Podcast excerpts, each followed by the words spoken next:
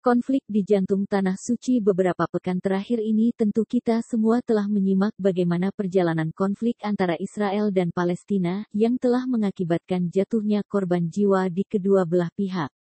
Malam itu, ketika sedang melaksanakan ibadah salat tarawihnya, sejumlah warga Palestina dikabarkan diusir paksa oleh polisi Israel. Peristiwa tersebut berlangsung di Masjid Al-Aqsa pada Jumat tanggal 7 Mei tahun 2021. Ketegangan di antara kedua belah pihak pun pecah di Sheikh Jarrah, Yerusalem Timur. Polisi Israel menembakkan peluru karet yang kemudian dibalas oleh jemaah warga Palestina dengan berbagai macam benda. Polisi Israel juga dilaporkan mempergunakan granat kejut untuk mengusir jemaah dan akibat insiden tersebut banyak orang dilaporkan terluka. Kemudian polisi Israel melakukan penutupan kawasan Masjid Al-Aqsa dan hal tersebut membuat warga Palestina yang tinggal di sekitar lokasi tersebut menjadi meradang dan melancarkan aksi.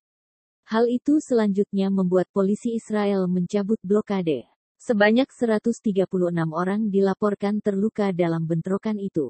Peristiwa tersebut merupakan satu dari rangkaian episode isu Masjid Al-Aqsa, sejak negara Israel berdiri pada 1948 silam.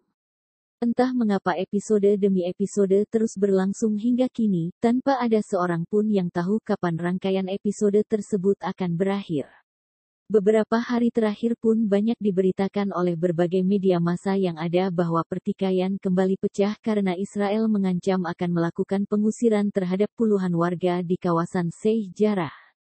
Menurut Reuters, merujuk laporan dari kedua belah pihak, terdapat 205 warga Palestina dan 17 aparat keamanan Israel luka-luka dalam bentrokan yang berlangsung. Sebagian besar warga yang tinggal di kawasan Sheikh Jarrah adalah orang Palestina, namun Israel mengklaim bahwa wilayah tersebut merupakan tempat suci di mana terdapat makam seorang imam agung Yahudi. Sejarah konflik tak berujung konon sejarah konflik di Yerusalem sudah dimulai sejak abad sebelum Masehi. Menurut catatan sejarah, Yerusalem merupakan salah satu kota tertua yang pernah ada di muka bumi. Kota ini berdiri sejak tahun 3000 sebelum Masehi. Maka secara matematis, usia kota suci ini sudah mencapai 5000 tahun. Pada tanggal 21 Mei tahun 2021, Kompas.com mengabarkan dari markas besar PBB Perserikatan Bangsa-Bangsa terkait isu terkini Israel-Palestina. Dalam laporan tersebut Menteri Luar Negeri Palestina Riyad Al-Maliki dan Duta Besar Israel untuk Amerika Serikat dan PBB Gilad Erdan, keduanya sama-sama menuduh bahwa bentrokan yang berlangsung beberapa waktu terakhir sebagai genosida. Adapun pengertian genosida menurut Kamus Besar Bahasa Indonesia adalah pembunuhan besar-besaran secara berencana terhadap suatu bangsa atau ras. Seluruh dunia tetap diam dan menutup mata terhadap genosida seluruh keluarga Palestina, kata Menlu Riyad Al-Maliki dikutip dari AFP. Namun Duta Besar Israel untuk AS dan PBB, Gilad Erdan, tidak terima negaranya disebut demikian dan balik menuduh. Duta Besar Israel menuding Hamas tidak ada bedanya seperti Nazi yang ingin melakukan genosida pada orang-orang Yahudi. Kami melihat upaya untuk menciptakan kesetaraan moral yang salah, kata Erdan. Roket-roket dari Hamas dan kelompok bersenjata lainnya di Palestina telah merenggut 12 nyawa di Israel, termasuk satu anak, satu warga India, dan dua warga Thailand.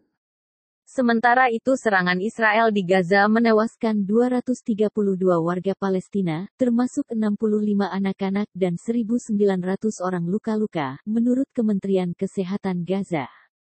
Sekitar 120 ribu orang dikabarkan mengungsi, menurut otoritas Hamas. Bagaimana kekuatan pendudukan berhak mempertahankan dirinya sendiri, ketika seluruh rakyat di bawah pendudukan dirampas hak yang sama, kata Menlu Palestina tentang klaim Israel atas pembelaan diri. Mari kita hentikan pembantaian ini, pungkas Riyad Al-Maliki. Jejak tahta suci tawarkan rekonsiliasi tanah suci sampai kini masih tetap menjadi sorotan dunia internasional. Apalagi tragedi kemanusiaan yang melibatkan Israel dan Palestina tak kunjung berakhir. Unjuk kekuatan militer dari kedua belah pihak tetap berlangsung dari waktu ke waktu hingga kini. Persis seperti apa yang kita saksikan melalui tayangan beragam media yang ada. Balada ratap dan tangis pun menjadi tontonan yang berhasil menghadirkan kemirisan di hati kita semua, sebab ada begitu banyak warga sipil, khususnya kaum wanita dan anak-anak, yang menjadi korban dalam serangkaian konflik yang seolah-olah tak berujung pangkal ini. Dalam kepemimpinan Paus Fransiskus, tahta suci pun pernah menawarkan rekonsiliasi kepada kedua belah pihak yang selama ini bertikai dalam sebuah pertemuan yang diselenggarakan di Taman Vatikan pada tanggal 8 Juni tahun 2014 silam. Kala itu Bapak Suci berujar demikian, panggilan untuk menciptakan perdamaian butuh keberanian, melebihi peperangan.